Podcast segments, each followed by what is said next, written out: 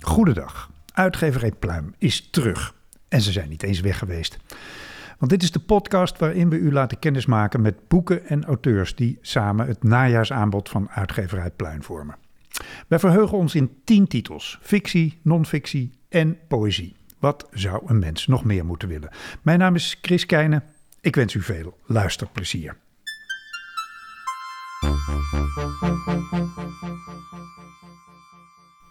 Gaston Dorre is taaljournalist. Uit hartstocht, zoals hij zelf zegt. De kennis is gaandeweg ontstaan. Hij is dus geen gebreveteerd taalkundige, vindt hij zelf. Maar kun je dat nog zeggen van iemand die inmiddels vijf boeken schreef over taal, waaronder het met de Onze Taal ANV Taalboekenprijs bekroonde Babel over de twintig reuzentalen van de wereld. En in zijn nieuwste boek staan we er fijn op, wij Nederlanders. The Dictionary heet het. Dag Gaston. Dag Chris. Wat maakt jou nu bij uitstek geschikt om dit boek te schrijven? Um, nou, ik zou het eigenlijk liever omdraaien. Hoe kun je aan dit boek zien dat ik het geschreven heb? Dat, hè, dat is toch ongeveer hetzelfde, maar het klinkt wat minder uh, opschepperig. Oké. Okay. um, want uh, het zit hem niet in de trefwoorden. Ik bedoel, laat een andere schrijver dit boek schrijven... en die krijgt ongeveer, je krijgt ongeveer diezelfde lijst van, uh, van lemma's... van uitdrukkingen met Dutch erin. En het zit hem ook niet in de, in de feitelijkheden, want ja, die kun je gewoon opzoeken hoe dat allemaal zit. Want laten we dat eerst even uitleggen. The Dictionary is een boek over alle buitenlandse uitdrukkingen, Engelse uitdrukkingen, waar Dutch in voorkomt. Dat klopt. Uh, uitdrukkingen, woordcombinaties, ook een aantal plaatsnamen, dat soort zaken. En daar zijn er honderden uh, van. Aha. Um, en die hebben soms een, uh, vaak een figuurlijke betekenis, vaak een negatieve betekenis. Nou ja, en daar wordt het interessant, want uh, waar komt dat vandaan en hoe vertel je dat? En bij de vraag hoe vertel je dat, met welke, welke stem, welke toon, welke stijl, waar leg je het accent op? Daar komt natuurlijk de, de eigenheid van een auteur om de hoek kijken. Ja. Ik kan zo tien mensen bedenken die ook een Dictionary hadden kunnen schrijven... en daar ook best een fatsoenlijk boek voor gemaakt hadden. Mm -hmm. Maar ja, die doen het anders dan ik, uiteraard. Uh, misschien essayistischer of encyclopedischer of saaier of leuker, wie zal het zeggen. uh, maar in ieder geval, dit, uh, zo had het ook gekund. Uh, maar ik, heb, ik ben wel de enige die het gedaan heeft. En ik vind dat het eerlijk gezegd best goed gelukt is. Oké, okay, en wat is dan vintage Dorren? vintage Dorren, Dorren is toch een zekere lichtheid, ook een zekere... Ik, ik, ben altijd wel een beetje aanwezig in het boek. Er staat af en toe wel eens ik in en ik vind en ik laat blijken wat ik vind. En er zit toch altijd wel humor in, omdat ik me anders zelf zo verveel bij het schrijven. Ja. Dus ja, dat zijn denk ik wel eigenschappen van de dingen die ik schrijf. Oké. Okay. Um, het, het, gaat alleen over het Engels, hè? over de Engelse uitdrukkingen. Klopt. Is het Engels ook de taal waarin de meeste verwijzingen naar Dutch te vinden zijn? Ik vermoed van wel. Ik heb natuurlijk het Duits en het Frans enzovoort niet onderzocht. Um, maar er zijn wel redenen om dat aan te nemen. Uh, een heel belangrijke reden is dat uh, het Engels al sinds de, met name sinds de 17e, 18e eeuw heel veel uitdrukkingen met Dutch heeft, omdat we toen Nederland en Engeland aardsrivalen waren. Hè? Vier Engelse zeeoorlogen, uh, we hebben echt gestreden om de dominantie op de wereldzeeën.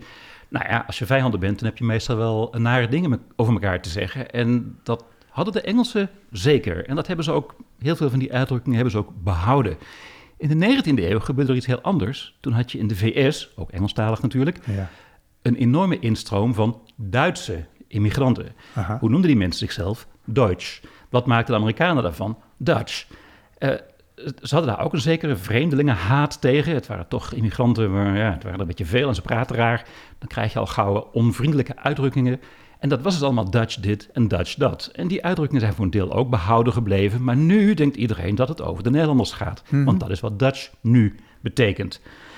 Um, en die vreemdelingenhaat van de Engelsen en die, die uh, immigrantenafkeer van de Amerikanen, die, die speelt nog steeds door. Je ziet het nog steeds terug in het Engels. En het, het voornaamste negatieve wat ze nu uh, over ons denken, heeft dan toch heel vaak te maken met seks en drugs en alcohol. Dat is het beeld dat het sterkst is blijven hangen. Oké, en eh, was dat vroeger ook al zo? Want ik kan bijvoorbeeld, de, de Chinezen noemen ons geloof ik de roodneuzen of de Japanners. daar wil ik even afnuizen, om, omdat ja, het waren allemaal van die drinkenbroers, die, die Hollandse zeelieden.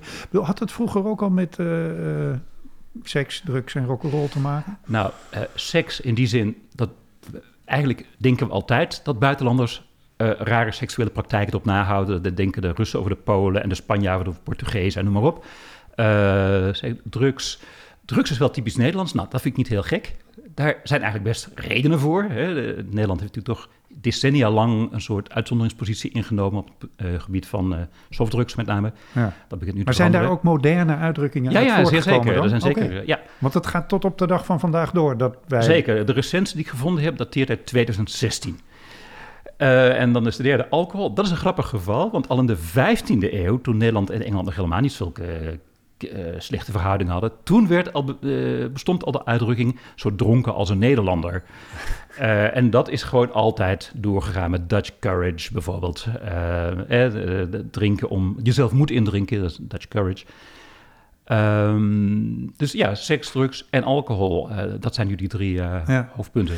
En, en wat doe je in je boek? Behandel je ze uh, alfabetisch, chronologisch, Engelse en Amerikaanse? Of hoe, hoe zit het in elkaar?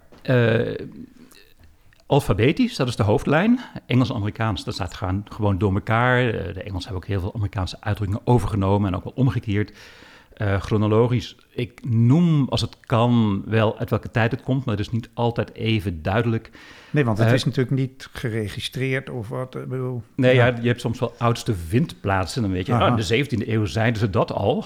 Uh, maar soms is bijvoorbeeld zo'n beeld van alcohol heel oud. Maar de uitdrukking Dutch courage, die dateert pas uit de 19e eeuw. Dus het is, het is vaak een beetje moeilijk om daar precies de vinger op te, op te leggen.